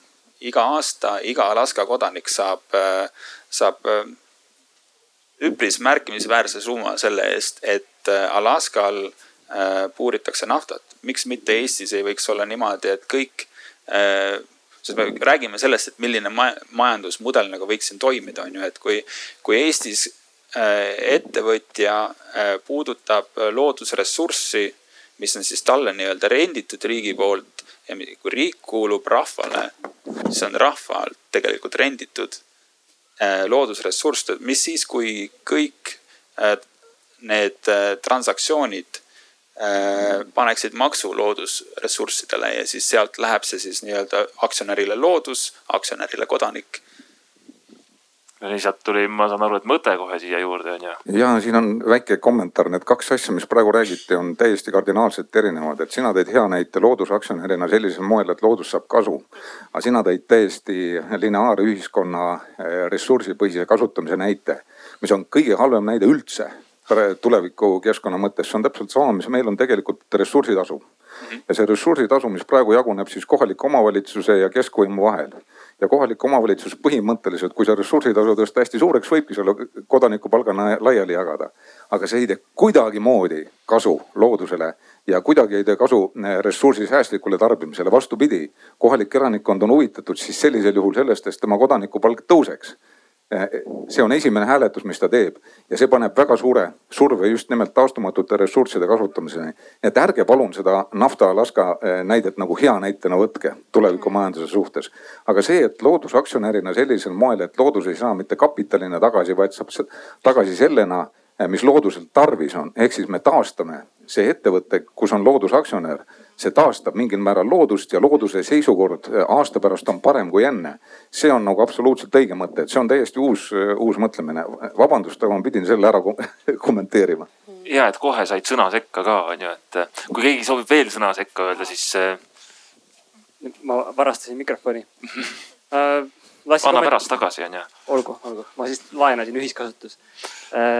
ma tahtsin kommenteerida seda, et enne käis läbi mõte, et, et see tuleviku majandusmudel mis iganes see on, ei tohiks äh, äh, ettevõtjate riskialdisust kuidagi vähendada. aga mulle tundub, et just nagu mingites valdkondades peaks vähendama seda riskialdisust, sest äh, võetakse siukseid äririske, mis on tegelikult keskkonnale hästi riskantsed või ühiskonnale hästi riskantsed. et meil siin Eestis on mitmeid suurprojekte olnud, mis on ringi hõljunud. Näed Fermi Energia näide, et Funderbeam, mis nad edukalt rahastasid, on ju, aga noh, selle riski poolt seal väga ei räägita. et, et võib-olla see ei ole halb, et mingites ideedes vähemalt tõmmatakse tagasi, et et noh, need asjad on liiga riskantsed ühiskonna jaoks ma riski poole pealt just nimelt mõtlen seda, et noh, mis äh, me kõik räägime kapital, et noh, on kapital ja jagame selle kapitali ringi, aga kui me lähme tagasi sellisesse igapäevasesse tegevusse, siis äh, kapital tekib majandustegevusest. Äh, töötajatele makstakse palka, sealt on ettevõtte maksud, on töötajate maksud ja, ja noh siis me räägime riigieelarvest ja kõigest muust sellest, et, et mida me peame suutma vältida, on, on see, et meil ei teki uusi ettevõtteid ja meil ei teki maksumaksjaid äh, nii-öelda algseid maksumaksjaid, eks. see, kuidas need äh, ja missugused need riskid on, eks, et üks on nii-öelda ettevõtja ja ettevõtlusrisk, aga teine on see, et, et noh, mille pinnalt ja mille arvelt seda riski võetakse, eks, et, et kas me, kas me kaevame midagi või, või, või me tarbime loodusressurssi või, või nende ettevõtjate mõttemaailm on hoopis midagi muud, et kui me uuesti seda korra seda noort põlvkonda vaatame, onju, siis kuidas teie silmis see noor põlvkond erineb linnas versus maal? no ma toon näite, ma siin elasin, no ma ütlen maal, Saaremaal, aga küll Kuressaarest väljas selles mõttes on ju, endise elukaaslasega tootsime seal nunnult neid väikseid pilliroost joogikõrsi on ju ja, ja siis vahetasime neid seal kohalikel küll munade vastu, küll siis mingis restoranis saime süüa ja nii edasi ja nii edasi on ju. aga aga noh, ma ei näe isiklikult vähemalt, ma ei arva, et selline nii-öelda vahetus või jagamismajandus suudaks nagu linnas toimida, et, et mis, kuidas teile see tundub, et okei okay,, ma küsin uuesti, noor põlvkond linnas versus maal, et, et mismoodi see seal erineda võiks? Mm? -hmm ma arvan, et infoühiskonnas nad ikkagi ütleme sellise DNA mõttes on sarnased aga näiteks Jõhvi ja Tallinna näitel oskan tuua, et et kuidagi maalapsed on siiramad ja käed külge ja teevad ja lähevad ja on sellised nagu maisemad. ja linnalapsed võib-olla, kui vaatad neid sealt trammist, kui tööle sõidad või et nemad siis kahekesi rullivad ja siis on niiviisi õlad koos, et nad on teistsugused. et jah, nad on kuidagi rohkem kohanejad, et võib-olla rääkides kliima kohanemisest. mulle tundub, maalaps ei jää hätta. Linnalaps on haavatavam, mulle tundub. ma toon aga rohe mõttes ma arvan, nad on üsna samas inforuumis, nad kõik teavad, kes on Greta Thunberg, nad jälgivad mingeid kliimameeme mm. -hmm. Nad valutavad asju samade asjade üle südant, et ma ei usu, et väga suurt vahet on lastel või noh, noortel ma võib-olla natuke vaidleks äh, vastu, et äh, kui ma, mul on võib-olla kolm võrdlust tuua, eks, et äh, kuna me kaks viimast aastat elasime perega Singapuris ja lapsed käisid sealses rahvusvahelises koolis, siis me tulime tagasi Eestisse ja, ja noh, mõlemad õpivad Tallinnas. ja, ja ma ise olen pärit Põlvast, eks, et, et ja minu meelest ei ole sama inforuum, milles lapsed liiguvad ja see, see teadlikkus, eks. ja ma kahjuks pean ütlema, et see teadlikkus on väga palju Singapuri rahvusvahelise koolisüsteemi kasuks, kus teemad, mida noored arutavad, äh, tööd, mida nad teevad, äh, mitte ainult siis nii-öelda mingi ühiskonnaõpetuse tundides, vaid, äh, vaid väga paljudes erinevates tundides, see nii-öelda interdistsiplinaarsus. kuidas nad loevad iga päev rahvusvahelisi uudiseid looduskatastroofidest, kuidas nad arutavad, mis on need põhjused versus Tallinna koolid, kus see on suhteliselt Äh, väikesel äh, tasandil natukene nagu kohalikul äh, tasandil ja, ja, ja noh, mida me siis nii-öelda väikelinnade haridussüsteemiga omavahel võrrelda saame, et, et nagu ma alustasin, et minu meelest see rohepööre on eelkõige pööre meie mõttemaailmas ja, ja kuidas me haridussüsteemi kaudu seda uut põlvkonda kõige paremas mõttes ühendada saame ja, ja, ja harida saame ja, ja sellest mõttemaailmast järgmine on siis see, et, et nad mitte ainult ei aruta nende kliimakatastroofide üle, vaid nad on väikeste tegevustega, väikeste sammudega, omaenda käitumisega hakkavad äh, harjumusi äh, muutma, iseenda harjumusi muutma ja siis nemad ongi see nii-öelda uus ostjaskond, äh, uus tarbijaskond nendel uutel äridel. küsin siis niimoodi, et milline, milline näeb välja uus majandusmudel linnas? kas me jõuame car sharing uni? Ma küsin vahepeal publiku käest ka korra ise midagi e, ja siis ma tulen selle car sharing'u ja kogu selle jagamise poole tagasi, et e, paljud teist täna tulid siia oma autoga. Mm -hmm. paljud tulid niimoodi, et neil oli autos peale nende veel keegi mm. -hmm. ja paljud tulid siia ühistranspordiga. selge kuidas teile tundub see vaatepilt siis olevat, et eh, jõuan tagasi sinna, et milline on meil uus majandusmudel linnas ja kas me oleme selleks valmis? Maiko, kuidas sulle tundub? mulle tundub, et me mõtleme ühtemoodi, me teeme, teeme teistmoodi. ja noh, see tegelikult, see on üpriski inimlik. Ehm, eestlased eriti, ma olen märganud käies erinevates kohtades maailmas on indiviid-, üpriski individualistlikud, on see siis meie äh, ajalugu või on see see kliima. kuid äh, siin nagu see ühisloome ja jagamine äh, võib olla just nagu, et kui keegi on mult küsinud, et Maiko, mis on nagu kõige raskem koht, et tasaarengut Eestisse tuua, siis see ühisloome on see, see jagamine ja siin just ühel koolitusel, kui ma ka rääkisin seda, et mulle meeldib tasaarengu mõte, aga vot väga raske mul aru saada seda, et äh, korteriühistus, meil oleks ka ühine köök. et nii-öelda terve korruse peal on üks äh, ühine köök, kuhu me lähme ja teeme koos süüa, sellepärast sa pead tolereerima kõik, kõiksuguseid isiksusi ja kõiksuguseid harjumusi. ja me oleme kahjuks kasvanud sellisteks individualistideks ja kui e-, mult on küsi-, küsinud välismaa sõbrad, et kirjelda mulle eestlast, siis ma ütlen, nad on nagu väiksed ameeriklased. et meil on vaja nagu täpselt seda individualismi ja, jah äh,. aitäh, Imre Treufeld äh,. tähendab, siin on eestlaste puhul on häda selles, et ma olen aru saanud, et meil on, meil on raske konflikte lahendada omavahel. me ei oska normaalselt suhelda, tähendab me, me ei julge öelda midagi, kui midagi valesti on sest me, me kardame negatiivset tagasisidet mm.. siis me ei ütle midagi ja siis see viha kasvab ja see tekib passiiv-agressiivne suhtlemine ja mida iganes. aga ühesõnaga vajalik on omavahelise usalduse kasvatamine ja, ja suhtlemine ja, ja oskus mitte inimest noh maha lüüa mõttelises mõttes, vaid, vaid lasta tal rääkida ja üksteist kuulata. siuksed oskused on meie ühiskonnas võib-olla mitte nii väga arenenud. mida on vaja rohkem teha? Kui tohib veel lisada, noh, see on nüüd rahvuspsühholoogiline tõlgendus, aga ma hakkasin mõtlema sinu viimaste lausete peale Bolti peale. vaat, eks ole, Bolti algselt ju reklaamiti välja nagu jagamismajandust, et noh, et äh, aga nüüd ma näen üha rohkem Bolti värvides autosid ja see autojuht, see ongi tema töö, eks ole, teha äh, taksot. nii et, aga miks selline evolutsioon, eks ole, miks, miks see evolutsioon ei toimu teises suunas, et et, et Bolt muutuks äh, järjest rohkem jagamismajanduseks, ilmselt siin on mingid põhjused. Ja no tegelikult, kui ma tohin kommenteerida, siis äh, kui me vaatame Bolti, siis Bolt Drive ja Bolti taksos asjad on, on ju täiesti erinevad, et, et seda minul on küll väga suur rõõm vaadata, kui palju rohkem äh, mu enda tutvusringkonnas ja ma ka ise tegelikult olen pea, noh, ma jah ise peaaegu loobunud oma isiklikust autost, mõtlesin, ma suve sõidan veel ära ja siis, ja siis jääb see Bolt Drive'i peale onju. et, et kuidas tegelikult just sellised lahendused annavad meile võimaluse kogu seda keskkonda paremaks muuta, looduskeskkonda ja nii edasi onju, et, et tegelikult ju sellised Boltid ja tulekud pigem ju aitavad kaasa või kuidas teie arvate?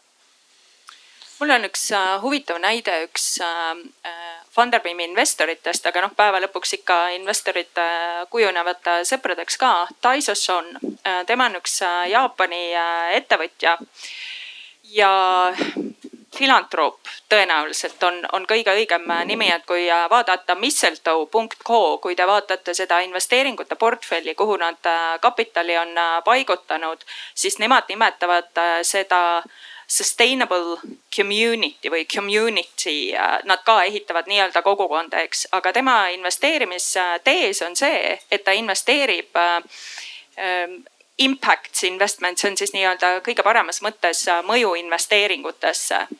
ja, ähm, ja üks äh, teema, mida nad äh, hakkasid Singapuriga koos tegema, on uus kaasaegne linn ja uus kaasaegne linnamudel.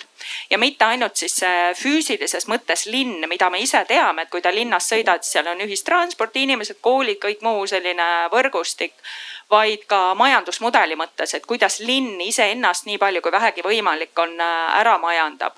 ja, e, ja üks äh, sellistest äh, põhiteesidest, aga see nüüd jõuab tagasi sinna sellisesse nii-öelda füüsilisse linnaruumi, on see, et linnaruum on inimese ruum ja kõik tehniline meid toetav ja teenindav infrastruktuur, alustades siis kaubavedudest, logistikast, kõik torustik, kõik see, kõik läheb maa alla. ja kuidas siis inimene maa peal selles linnaruumis äh, toimetab ja nüüd, kui nagu laiemaks minna, eks, et missugune on see meie tuleviku linnaruum. vaadates seda, kuidas me elame, kuidas lapsed koolis käivad, kas koolid on kogu aeg niimoodi, et füüsiliselt hommikul minnakse kooli. tööruumid juba väga palju ei ole selles mõttes, et, et mis on see uus linnaruum ja missugune on äh, uus äh, linnade toimimise mudel. ja, ja ressursside kontekstis ka nii-öelda, kui me jagamismajandusest äh, räägime, siis meil on ju nagu kolm ka jällegi suurt otsustuskohta, et need ressursid, mis on juba ähm, toodetud, autod äh,, ma ei tea, needsamad toolid, eks mingisugused hooned, kuidas me saame need maksimaalselt kasutusse võtta et, et noh, enamus teab, et kes, kes käib autodega tööle, hommikul sõidad tööle, õhtul tuled koju. auto on pool tundi linnas kasutuses, võib-olla tund aega, ülejäänud ajad ja seisab lihtsalt niisama tühjana. kontorihooned väga palju, et, et see on tohutu ressurss, mis on pandud ühe kontorihoone ehitamisse. hommikul lähevad inimesed tööle, õhtul tulevad ära, enamuse ajast on maja kasutamata, praegu ei käida sellel ajal ka veel. teine suur grupp on siis see, et, et äh, kuidas me praegu ressursse toodame ja, ja, ja veel olulisem küsimus on see, et mõelda, et, et äh, tulevikus, et kuidas me hakkame mingisuguseid asju tootma, nii et, et see on ka linnaruumi ja, ja uute linnade majandusmudelite äh, mõte, et see, mis on olemas, kuidas me seda kasutame, aga et, et mis, mis tulevik äh, toob. me oleme Teele Pehk, ma ei tea, kas Teele on siin või ei ole, praegu ei näe aga teiega oleme rääkinud sellest, et palju siis inimene kasutab üleüldse oma eraautot ja, või siis tegelikult vastupidi, et palju see auto seisab ja üheksakümmend viis protsenti ajast eraauto seisab. ja kui võtta siis see viis protsenti, mis on tal kasutuses, siis sellest üks protsent seisab see ummikus. nii et, et see nagu noh, näitab minu jaoks väga palju seda, et ja, ja tekitab küsimuse, et kas meil on tarvis üleüldse linnaruumis, et meil igal perel oleks kaks autot keskmiselt. ja, ja aga, aga see on ka see nii-öelda uus äh, disain, äh, mõtlemine ka jälle noorte talentidega rääkides ja vaadates, näiteks ma tean, Hollandis oli ühe hoone, uue hoone projekteerimise projekt ja kõigepealt tehti audit. ja tehti audit selles osas, et kui palju inimesi selles, see oli üks riigiasutus, kui palju inimesi reaalselt istub omale ette nähtud äh, töökohal sellel ajal, kui on tööaeg pakkuge, mitu protsenti? kümme, kümme protsenti istutakse tegelikult sellel töökohal, mis inimesele on äh, ette nähtud. ehk uus hoone projekteeriti sellest lähtudes, küll on klientidega kohtumised, küll on äh, teenindamised, küll on koosolekul, kõik küll muu. et tegelikult üheksakümmend protsenti sellest ressursist oli kasutamata. Ja see nii-öelda jagamismajandus ja, ja kõik see selline uus äh, hoonete planeerimine, linnade planeerimine, uute äride loomine tuleb väga palju sellest mõtteviisist lähtudes, et kui meil juba mingisugune ressurss on loodud, kuidas me selle saame kordi ja kordi rohkem kasutusse võtta? Või kui me loome midagi uut, siis kui, kuidas me loome seda läbimõeldult ja, ja säästlikult ja mitte tõstes ebavõrdsust, on ju. No, see tuleb juurde. see tuleb juurde, et ähm, korra lihtsalt loomise juures või siis nii-öelda taasloomise juures ja, ja sellest, kuidas me hakkame nii-öelda taastama oma vanasid ähm, eramuid. ma tean, Maiko, sul on ju sellega üks mõte, et kui me viime kõik nii-öelda eramud ähm, nullenergiasäästlikuks, et kellele need kokkuvõttes kuuluvad ja kas me sellega mitte sellist ebavõrdsust ei? jah äh,, sa mõtled seda gentrification'i yeah.? Jah äh,, terminit ehk siis keskklassistumine. et äh, kõik need uusarendused, investeeringud, kui me näiteks vaatame Tallinnas äh, ägedaid uusi rajoone, näiteks Kalamaja, kunagi sai isegi seal elatud, et äh, siis akadeemia räägib sellest laialt, et äh, me näeme seda ilusat uusarendust, on rohelised hooned äh,. kõik on äge, kuid mida me ei näe, on see, et kui uus arendus toimib, toimub mingis kindlas rajoonis, siis need inimesed, kes kolmkümmend, nelikümmend, kakskümmend aastat seal kandis on elanud.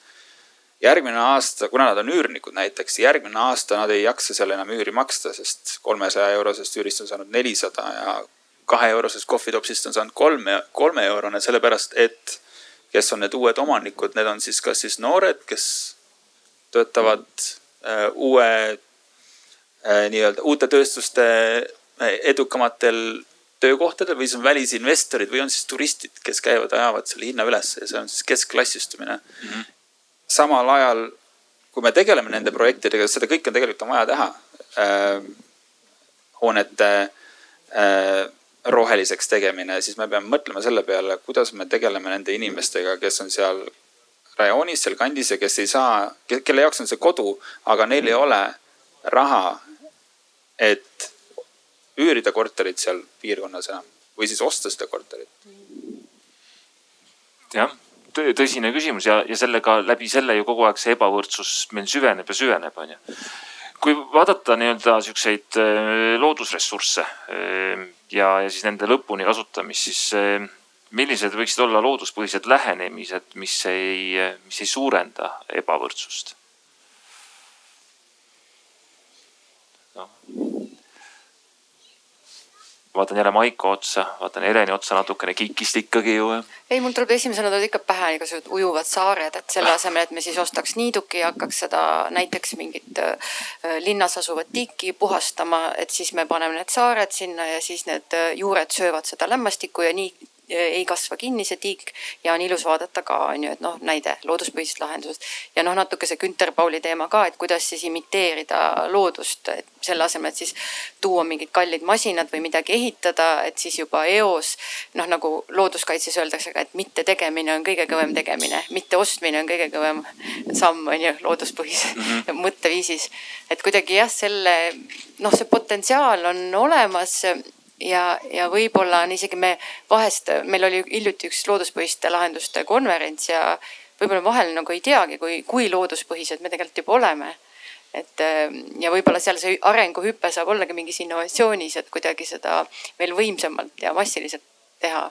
et aga noh, linnade juures mul jäi lihtsalt mõte õudselt kummitama, et aga et äkki meil on varsti need tondilossid, need tühjad büroohooned, et mis siis nende funktsioon oleks tulevikus või.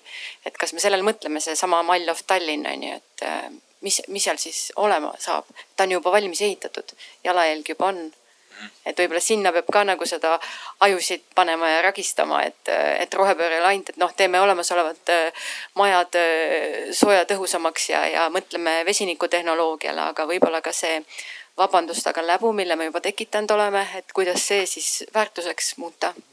et see võiks ka sihuke innovatsiooni väljund olla, on ju. jah, et nendest linnadest mõeldes. et võib-olla ta on ka looduspõhine lahendus juba, sest ta on olemas. sest ta on olemas jah ja. Maiko ah,. selle looduspõhine lahendus on see, et äh, kui mingisugused äh, hooned jäävad kuhugile liiga kauaks jäävad passima, siis äh, inimesed lihtsalt kolivad sinna sisse ja seda äh,, mis see termin oli nüüd, lipsas mul meelest. Floating jah. Squat ja nad squat ivad ja Barcelonas näiteks on seda hästi palju.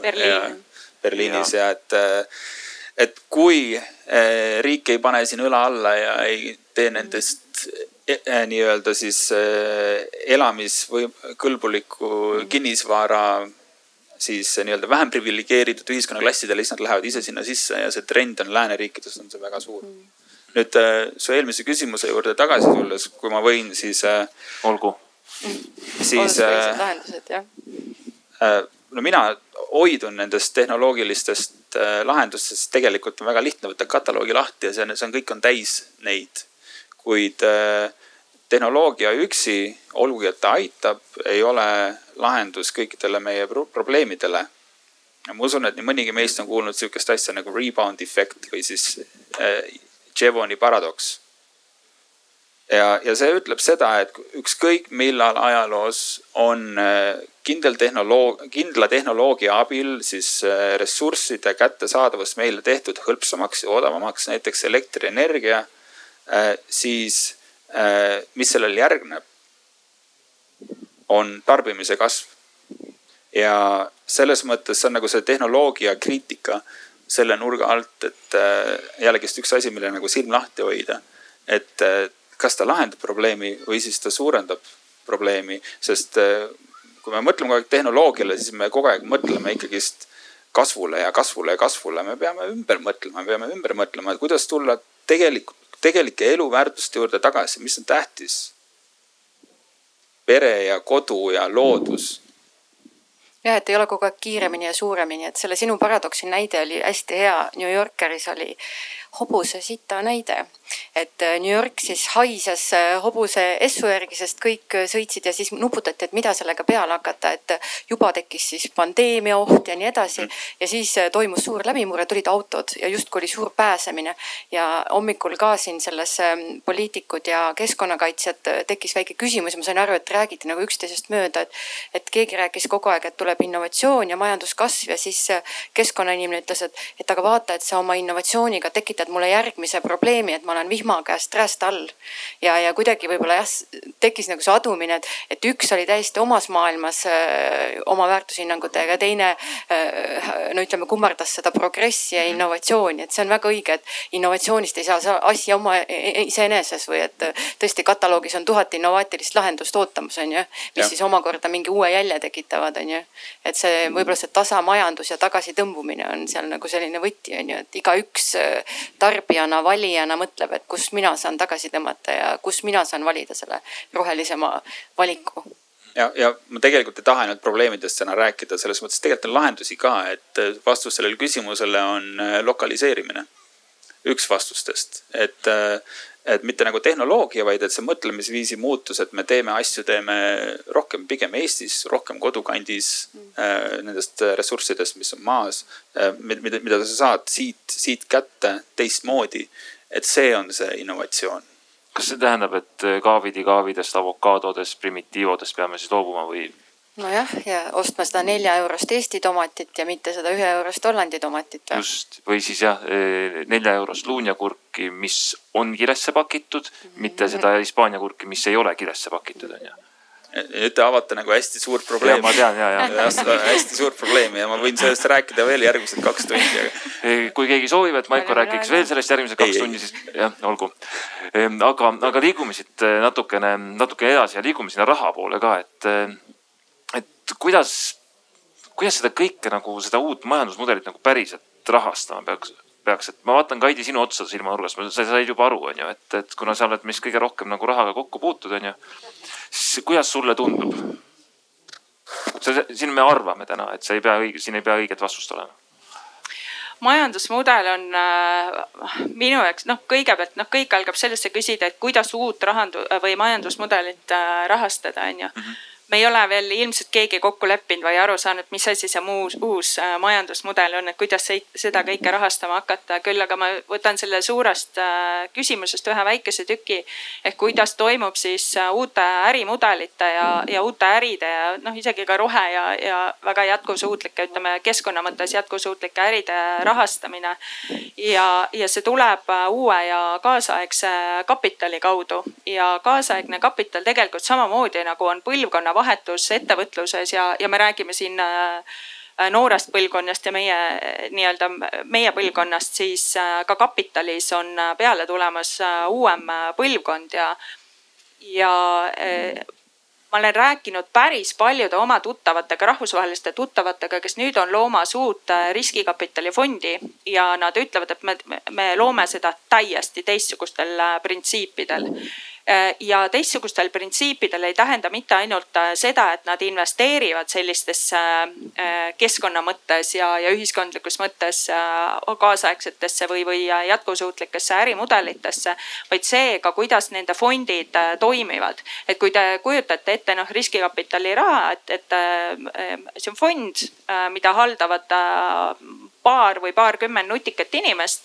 kes siis koguvad selle kapitali kokku, kas siis väga jõukatelt eraisikutelt või, või teistelt äh, fondidelt. ja, ja fondi eluiga tavaliselt on kümme aastat, mis tähendab seda, et äh, täna ma kogun kapitali, kümne aasta pärast peab mul olema fond nullis ehk kõik investeeringud ma pean olema saanud sealt fondist äh, maha müüa. ja see tähendab ka seda, et kuskil seitsmendal aastal tekib fondile väga tugev kasumisurve, et portfellis olevad ettevõtted tuleb maha müüa. ja nüüd üks uusi mudeleid on kas oluliselt pikemaajalise tsükliga fondid või siis nagu nad kutsuvad evergreen fondid ehk investorid saavad igal hetkel äh, väljuda äh, nendest äh, fondidest ja, ja maha müüa. aga üks huvitav veel, võite guugeldada kakskümmend viiskümmend fond, Marie Ekeland, üks kõige selliseid huvitavamaid Euroopa naisinvestoreid ja naisriskikapitali investoreid. on uut fondi parasjagu kaasamas ja tema fondide ees ongi see, et, et äh, kapitalil ei peaks tulema tema investeeringutele ajalist survet. ta tahaks äh, teha sellist äh, patient investment ehk tõesti, kui te soovite oma investeeringutega tõelist, tõelist mõju teha, siis mõju ei ole kunagi lühiajaline, mõju reeglina on pikaajaline ja, ja kapital peab suutma toetada pikaajalist mõju. aga tema fondist viisteist protsenti kuulub, läheb harimisse, läheb ettevõtjate harimisse, läheb kogukonna harimisse, kui ta teeb näiteks põllumajandusinvesteeringuid, siis läheb farmerite ja talunike haridusse ja harimisse. ja, ja samamoodi selle fondi tees on see, et mida nutikamalt me äri ajame, seda äh, tugevam mõju lõpuks on äh, äridele ehk ja, ja noh, see näide, mis ma ka Funderbeami kontekstis tõin, et meil on paarid, paar väga-väga huvitavat äh, projekti, mis kapitali on kaasanud. üks projektidest on näiteks Horvaatia ettevõte ähm, Include, mis teeb nutikaid linnapinke ja linnapink tähendab seda, et, et neil on sihuke, ähm, võite guugeldada ka Include, neil on palju erinevaid linnapinke, aga linnapink on ise ökonoomne, seal on päikesepaneelid peal, päikesepaneelid päeval koguvad energiat, õhtul valgustavad linna linnaruumi. selle kaudu saab telefone laadida, linn saab oma infot sinna linnapinkide paneelidesse saata.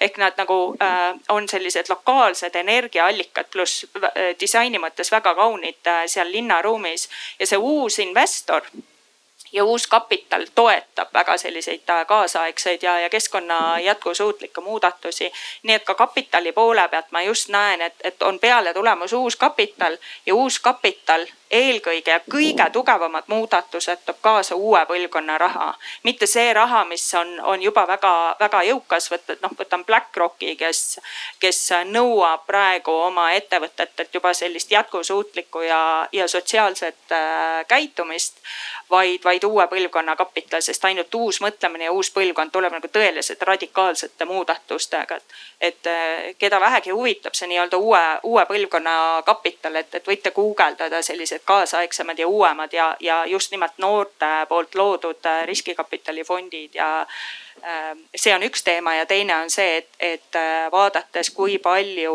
äh, tehnoloogiaettevõtjaid on oma ettevõtted maha müünud, exit eid teinud meie keeli rääkides. sealt väga suur osa kapitalist läheb kõige paremas mõttes selliste ähm, pehmete projektide toetamisse, et, et noh, Taisosonist ma, ma rääkisin, aga, aga vaatame ka Eesti, Eesti siia enda kogukonna poole peal, et, et see mina väidan seda, et, et äh, kapitali põlvkonna, uue, uue põlvkonna tulekuga muutub ka, ka kapitali paigutamise kontekstis mõtlemine. väga pikk vastus sai su lühikesele küsimusele ja ma loodan, et siit läheb edasi, võib-olla mitte nii pikk vastus, aga Maiko. ma räägin lühidalt nagu alati. et äh, äh, ma kindlasti guugeldan seda uue põlvkonna kapitali. Asja, et äh, ma oponeerin ka. et äh, kapitaliga on see asi, et äh, tänapäeval kapitaliga otsustatakse kõike, kapitaliga valitakse presidenti, peaministrit. Kapitaliga otsustatakse, mida sa tarbid, mida sa sööd. kapitaliga otsustatakse kahjuks ka seda, kuidas me loodus, looduskeskkonna eest äh, hoolitseme. ja, ja su küsimus oli selle kohta, et kuidas nagu kapitali kasutada selleks, et või kus me selle kapitali saame, on ju. jah, et äh, ma vaatan asjale tasaarengu vaatevinklist, nagu ma täna lubasin, et ma teen seda. kui probleem on selles et, et viis protsenti äh, ühiskonnast ja, või siis, kui sa vaatad rahvusvahelist pilti siis, siis viis protsenti riikidest otsustavad kõiki asju, enamus asju. kui me suudame selle natukene korrigeerida niimoodi, et me saame, et vähemalt viiskümmend protsenti ühiskonnast omavad piisavalt kapitali, et nad saavad siis selle kapitali kasutamisega hääletada. see on see ideaalne koht. no kuidas me seda teeme, et nüüd ma tulen tagasi nende samade vanade ideede juurde, et kui sa, mitte vanade, vaid et mis mina nagu vanem, varem olen maininud, et kui meil on võimalikult palju rohkem äh, tööjõudu, keda me ei kutsu mitte palgatöötajateks, vaid kapitalitöötajateks. Kui meil on äh, edukaid ühistuid ja nii edasi, siis palju laiem kõlapind saavutatakse. ja kui, kui ja ta tegelikult lahendab ära paljud majandusprobleemid, mis Eestis näiteks on, tööjõupuudus. inimesed lähevad minema sellepärast, et neil ei ole piisavalt põhjust jääda Eestisse, nad töötavad Soomes näiteks. või siis see, et kapital, kapitali omavad välis, väliskodanikud, välisettevõtted, kui kapitali omavad eestlased, siis äh, äh, niimoodi saaks ka seda nagu finantseerida mm. -hmm.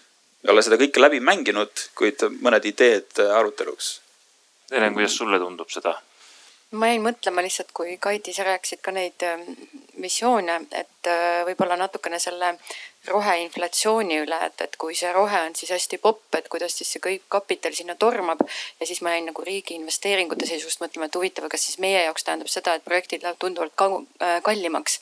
ja tekivad sellised, noh, me oleme kuulnud ka siin siuksed süsiniku kokkuostu huviga suured korporatsioonid, kes kardavad, et varsti maksab süsinik kolmsada eurot tonn, täna maksab sada.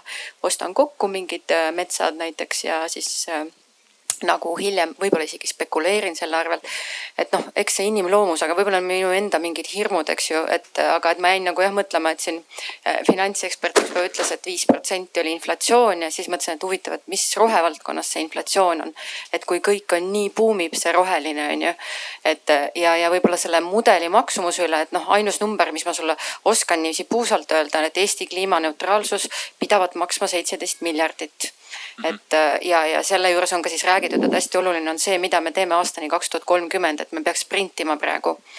ja, ja noh, peab olema ka ausalt hästi suur osa on ettevõtetel selles, aga ettevõtetel see investeering hiljem toob tagasi, sest nad võib-olla hiljem maksaks palju valusamat hinda selle eest ja võib-olla majandusmudelite juures ma tooks nagu selle ka kõrvale, et mida Aveliina Helm näiteks on ütelnud, see mõtteloogika, et, et vabandage, aga et võib-olla kümne aasta pärast see, kui me ei tee seda, on tunduvalt-tunduvalt kallim.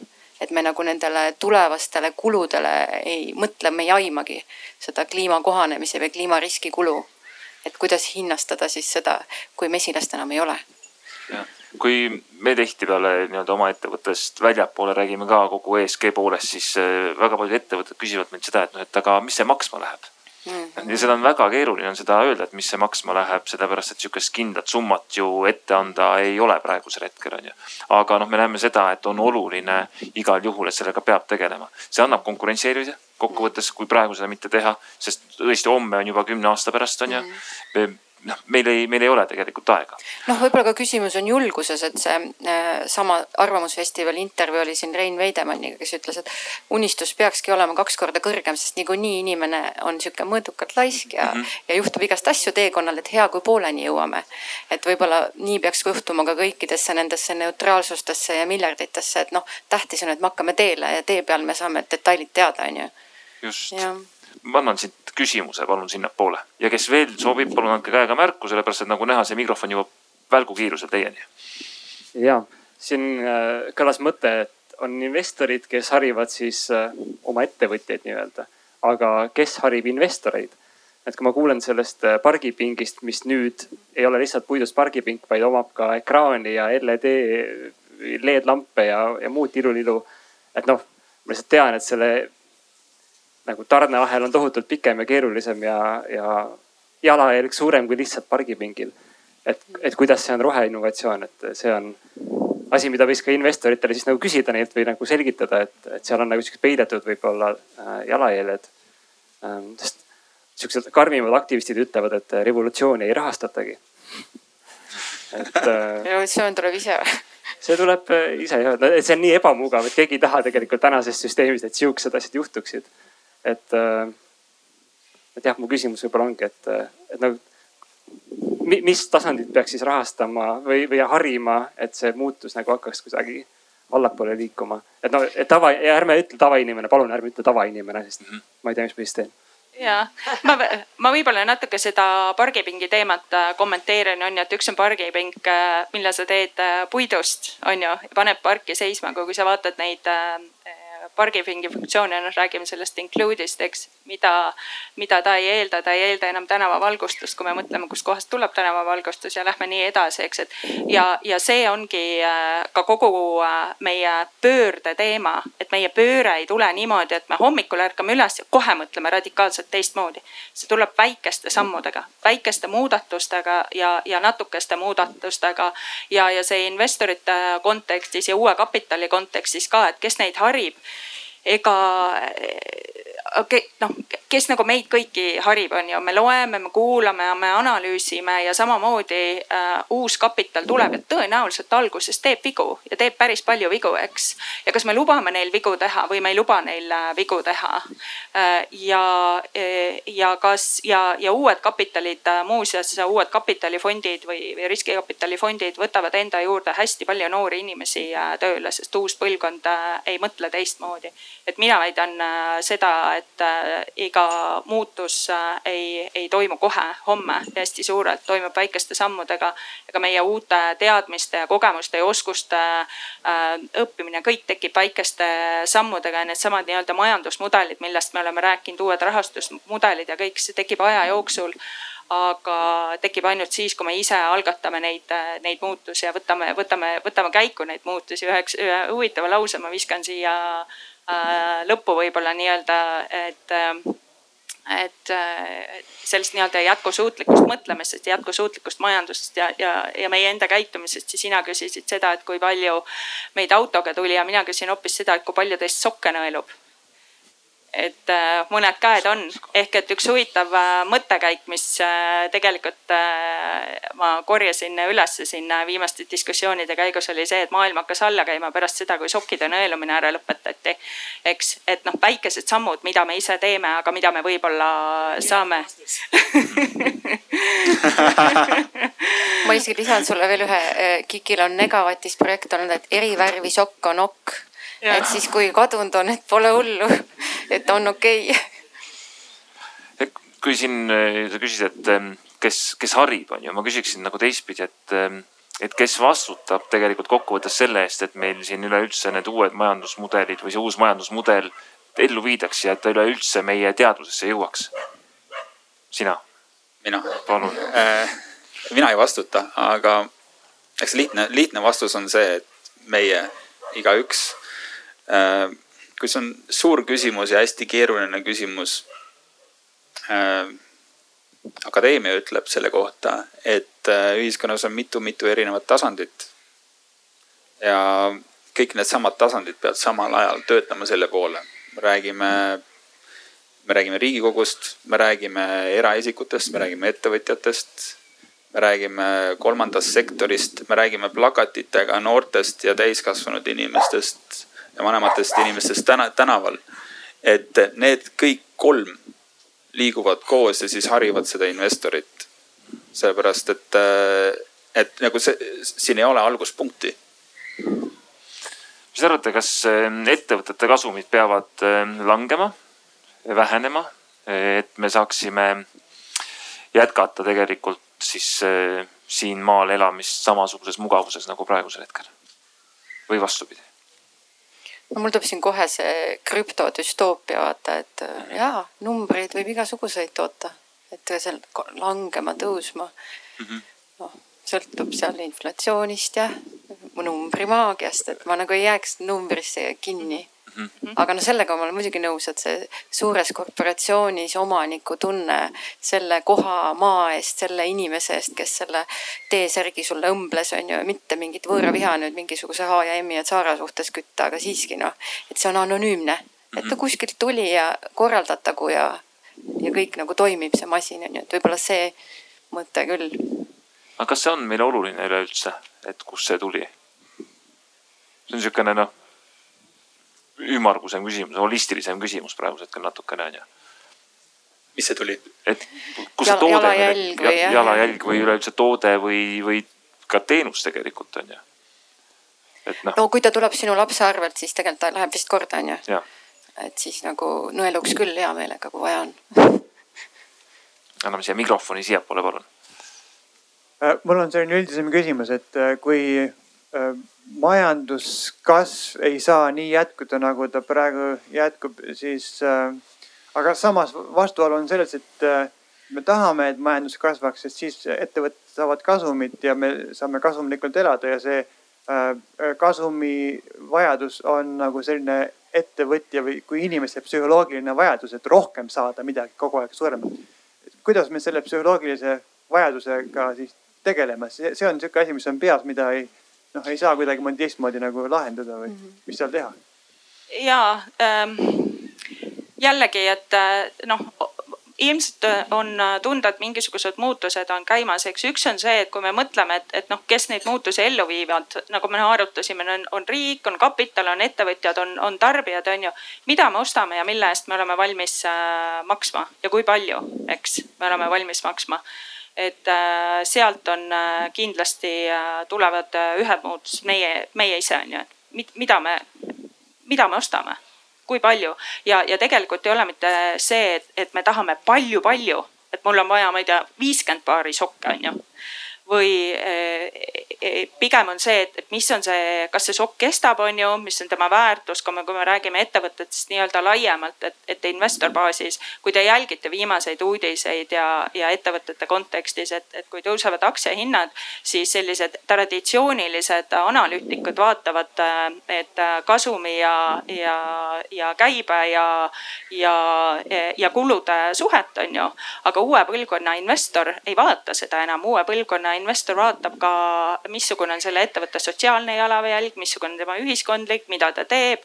et, et ja, ja aktsia hind ei, ei väljendu enam puhtalt finantsnäitajates, et kõik meie, kes me kaupa ostame, ettevõtete teenuseid tarbime, investeerime, et mi, mis on kasum? Mis on kasum ja mis on ettevõtte väärtus ja kus on väärtus ja, ja kas aktsia hind äh, väljendab ainult äh, seda nii-öelda kulutulu äh, suhet rahanumbrites, et, et see on, see on huvitav muudatus, mida, mida me näeme ka ja, ja see kõik algab meie, meie enda käitumisest. mul on üks, üks käsi on nii pikalt üleval olnud, et kui ja. tohiks sinna mikrofoni juba üsna esimesest pooltunnist alati oota, mikrofoni võiks sinna edasi saata. üks moment. mikrofon. meie praeguses meie praeguses majandusmudelis ei klapi. Kui alustati kolmkümmend aastat tagasi, siis räägiti Friedmani, Milton Friedmani majandusmudelist. miks see Friedman nüüd ei klapi? Te räägite sellest, mis tuleb uuest mõttelaadist, seda ei tule. seda tuleb ainult koos sotsioloogiliste ja tehnoloogiliste arengutega. seda ei ole vaja, ei ole võimalik kuskilt mujalt importida. nii et alustama oleksite pidanud sellest hetkeseisust. miks tänapäevane Friedmani mudel Eestis ei kehti? noh, tegelikult mu esimene küsimus see küll oli, aga Maiko, sa tahtsid kommenteerida? ma vastan lühidalt, et äh, aitäh küsimuse eest äh,. Friedmani mudel ehk siis neoliberaalne majandus toimiks väga suurepäraselt, kui meil äh, oleks äh, ressursid maapinnas, äh, mis pea, peale seda, kui me need ära võtame, nagu seened tagasi tulevad. Et tegelikult ju kõik on nagu ilus, kuid kahjuks on niimoodi, et biosfäär, loodus seab piirid. ja me juba näeme, kuidas Äh, kõik tooted ja teenused lähevad, sellepärast lähevad kallimaks ja madalamatele ühiskonnaklassidele seda enam varsti ei jagu ja teistes riikides, mida me siit ei näe, juba enam ei ole. ja me lihtsalt peame teistmoodi hakkama mõtlema. Ressursid ja ökosüsteem selles mõttes, õhk on ka ressurss ja vesi on ka ressurss, selles mõttes küll ressursid jah. Mm. -hmm palun võtame siit küsimuse. Ja ma tuleks tegelikult eelnevate küsimuste juurde tagasi, minu jaoks jäi natuke õhku, et ma tahtsin enda arvamust avaldada, et, et kes harib ja, ja kes vastutab, et minu jaoks üks teema, mida me ei ole rääkinud ja me rääkisime siin, et või vähemalt pealkiri on finantseerimine ka, et, et kes harib, regulatsioon, regulatsioon harib, me ei ole rääkinud Euroopa taksonoomiast, mis minu jaoks paneb paika kuhu suunas investeeringud võiksid liikuda, nii refinantseeringud kui ka finantseeringud kui ka investeeringud. see on üks asi ja, ja teine, kes vastutab, võib-olla siis noh, LHV Pank, pangad. Teisest küljest NASDAQ börs, samamoodi ka ühisrahastused ja, need, kes neid otsuseid teevad, samamoodi ka riskikapitalifondid, mida Kaidi ütles, et, et kes need inimesed seal taga on, kes siis valideerivad, et see investeering on siis roheline, et ma arvan, et et jah, et need kaks asja, et, et kes vastutab, on siis jah, kõiksugused finantsasutused ja, ja kes siis nii-öelda õpetab neid investoreid, on regulatsioon, et, et ma ei tea, kas me jõuame veel sellest taksonoomiast rääkida, aga ma arvan, et seal on väga, väga selgelt öeldud, mis tegevused ja suunad on need, mis on jätkusuutlikud ja, ja kuhu suunas investeeringud peaksid liikuma see on minu enda isiklik arvamus, ma saan aru, et mul on õnneks inimesi veel juures, kes suudavad seda taksonoomiast ehm, ka kaasa rääkida, aga taksonoomia on selline auk, et kui me sinna lähme, siis, eh, siis meil sellest eh, lühikesest veerandtunnist, mis meil alles on jäänud, meil, meil lihtsalt ei jagu sellest. aga, aga see, et taksonoomia tuleb ja tööle hakkab tööriistana on tegelikult, ma arvan, et see on, on see suurepärane võimalus mingilgi määral. ja Eva varastas siin küsi-, mikrofoni ära, aga, aga vaatame jah, sealt tagantpoolt on üks küsimus veel tulemas. mul oli Rohetiigrile üks väike sõbralik repliik, et kui me räägime jätkusuutlikkusest ja, ja sellest uuest võimalikust majandusmudelist, siis äh, kas see tuleviku tasaarengu ja mis iganes rohelisem majandusmudel sisaldab endas ka pooleliitriseid aura plastpudeleid või võiks äh, sisaldada endas kannuvett ja klaase? Äh, see on väga hea küsimus, sellele ma vastan ise, et Äh, Rohetiigri üks asutajaliikmeid on A Le Kokk ja see tegelikult on taaskasutatud plastist äh, esimene Eestis valmistatud taaskasutusplastist pudel ja selle saab pärast uuesti taaskasutusse anda. nii et äh, see, see on noh, minu meelest kõlbab siia laua peale täna. reklaamisekundid. sain reklaamisekundid, aitäh aga see on hea, see see oli väga hea küsimus selles mõttes, et ma ise tahtsin enne täpselt sama küsida Eeva käest, aga see on suurepärane, et see tuli ja ma selle tähelepanu ei juhtinud. aga meil oli siit veel küsimust, nii et. ja, no kui me räägime siin äh, finantseerimisest ja rahastamisest, mul oli korra veel, korra ennem korra põgusalt puudutasite, aga, aga kuna, kui me räägime investeerimisest, siis äh, investeer-, investorid on eelkõige need isikud, kellel jääb raha üle. Äh, ja nende inve-, investeeringute nii-öelda kasv tuleb eelkõige looduskeskkonna ja nende arvelt, kellel siis seda äh, võimalust investeerida ei ole. ehk siis tegelikult, kui me alguses rääkisime, et keskkonnakriis ja, ja on, on eelkõige ka ebavõrdsuse kriis, siis tegelikult nagu noh, selline investeerimine tegelikult üldjoontes nagu suurendab ühiskonnas ebavõrdsust täna. et äh, jah, sa tõi, Kaidi vist tõi hea näite, et mõned siin investeerivad, väljuvad oma investeeringutest ja annavad ühiskonda tagasi, aga kas see on pigem nagu täna ikkagi nišš või see nišš äh, muutumas või kuidas üldse, et selline, selline nagu investeeringute teemal nagu selline ebavõrdsuse kasv nagu väheneks? Äh, vaidlen vastu sellepärast, et äh, äh, iga inimesel endal on valik, kas ta äh, oma väikest äh, kasvõi igapäevast äh, palgasissetulekut, mis ta selle palgasissetulekuga teeb, kas ta ostab uued punased sokid või uued punased tennised, eks. või ta paneb selle mõni eurot äh, kõrvale, järgmine kuu natukene kõrvale ja siis investeerib selle kas siis äh, fondidesse või, või nendesse samadesse uutesse ettevõtetesse. et meil on näiteid küll ja küll, eks, et kus väga väikese ja minimaalse sissetulekuga inimesed läbi investeerimise on taganud endale piisava noh täiendava täiendava finants äh, ähm, siis võimekuse või, või äh, toe, eks, et, et, et seda ma küll ei ütle ja, ja, ja investeeringud äh, ka väga väikeste summadega on äh, kättesaadavad äh, väga erinevatele inimestele, eks ja, ja ma ka kuidagi proovin siit sellelt lavalt, nii nagu me alustasime, eks, et, kapitalism on halb ja pankurid on sead, et kuidagi võtta seda, seda üldist arusaamist maha, et, et ma arvan, et kapital tänapäeval muutub järjest ja järjest vastutustundlikumaks. ja, ja see ei ole mitte ainult kapitali enda kontekstis, et kapital tahab investeerida vastutustundlikesse äridesse ja ettevõtetesse. kapital, kes investeerib fondidesse, nõuab seda, et, et fondid ise investeeriksid äh, vastutustundlikult ja, ja, ja, ja see tsükkel on äh, käima läinud, nii et, et pigem äh, tasub investeerimist vaadata seda kui, kui võimalust sellest nii-öelda väikese sissetuleku tsüklist välja pääseda. väga nõus, kohe pean lisama, et selle, vaata see John Nashi see piinatud geenius film ja, ja tema see teooria oli sama, et me kuidagi tahame mõõta, et üks võidab ja teised kaotavad aga võib-olla see uus mudel võiks sihuke olla, et äh, ei ole nii, et äh, tegelikult võivad ka siuksed olukorrad olla, et nad kõik mõlemad võitsid sellest olukorrast või mõlemad tõmbasid koomale. et nii kui me nagu radikaliseerime või nagu me joonistame ka, et kas maailma lõpp ja keskkonnakatastroof või räige koomale tõmbamine on ju. aga tegelikult on ikka seal neid halle varjundeid kõvasti vahepeal ka ja võib-olla peab kuidagi ütlema, et okei okay,, ma loon siit olukorrast, et ma ei ole seal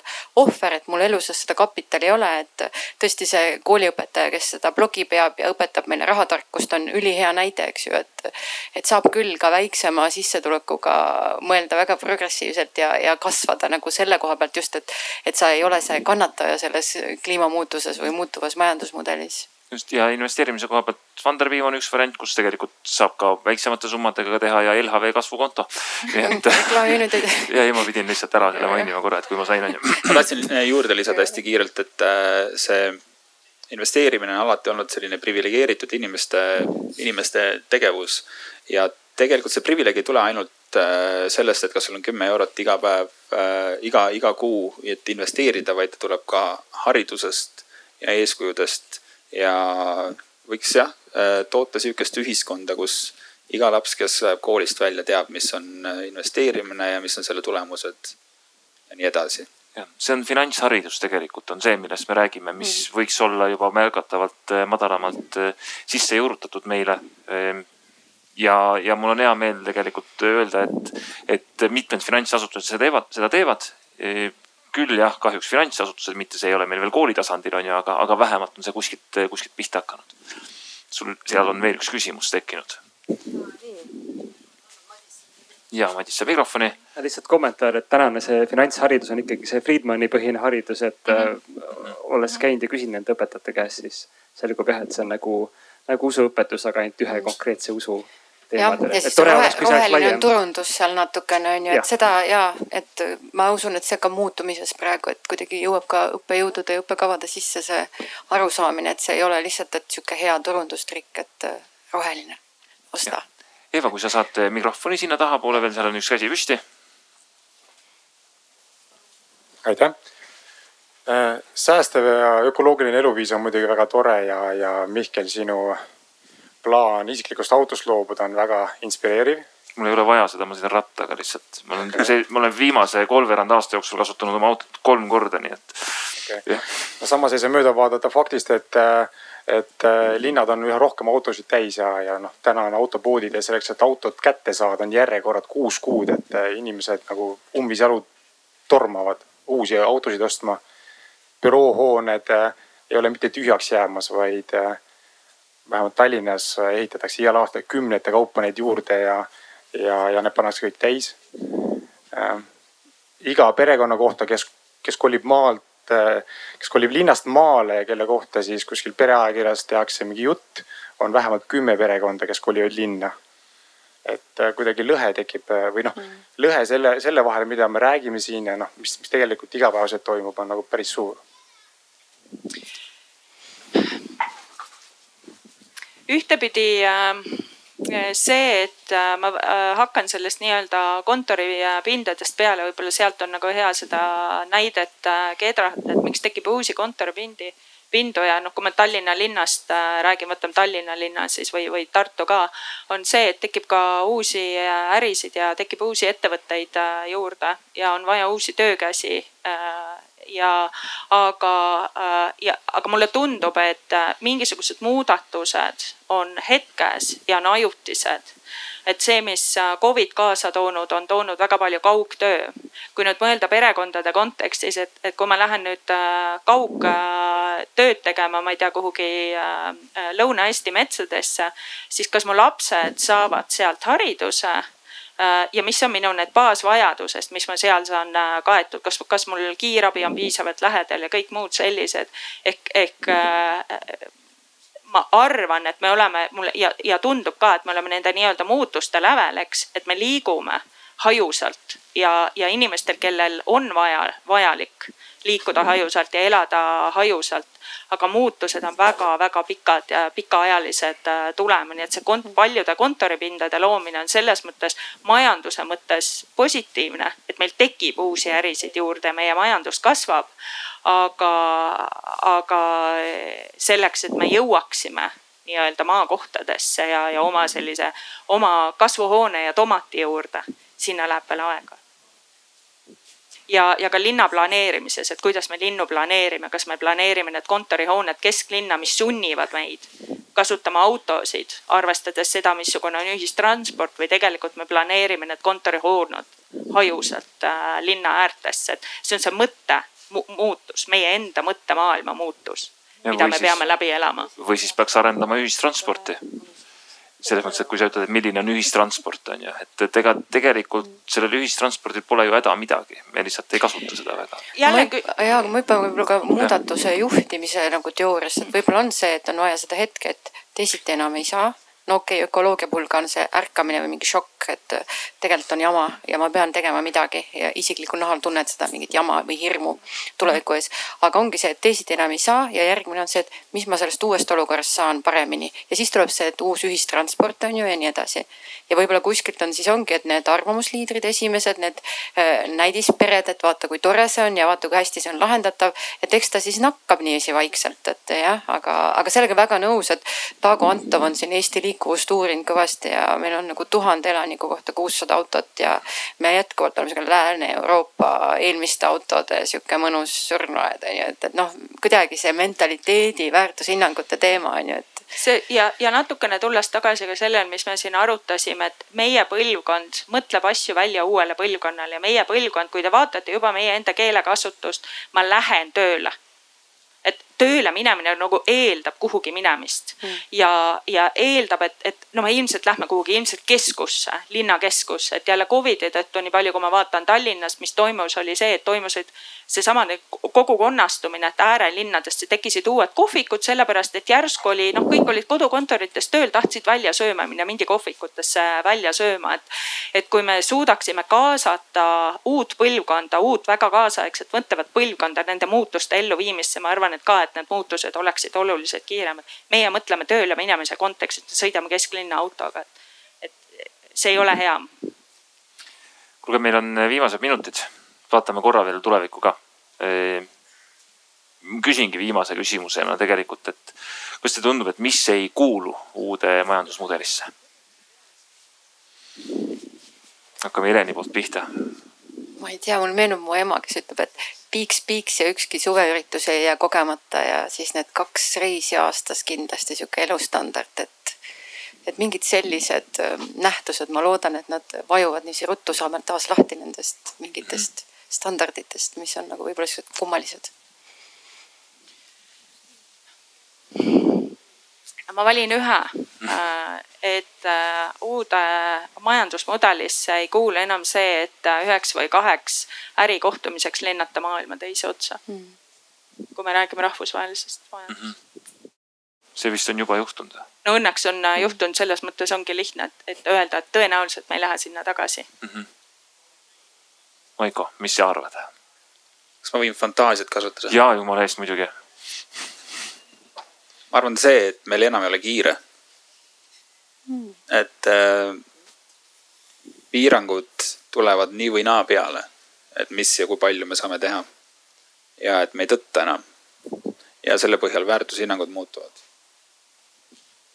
jah, jätkan siit, et väärtustame oma pere ja lähedasi head sõbrad, eh, ma tänan, ehm, et te meid kuulasite. ma tänan eh, paneliste, kes meiega siin tänase pärastlõuna veetsid, aga siin ei, see ei tähenda, et üleüldse siin läbi on veel kõik. Eh, circa veerand tunni pärast alustab siis juba järgmine paneel ja nemad võtavad meilt tegelikult teema üle ja jätkavad teemalt, et kuidas uues majandusmudelis võitjaks jääda. mina ütlen teile suured tänud ja soovin teile mõnusat Arvamusfestivali jätku. selge see.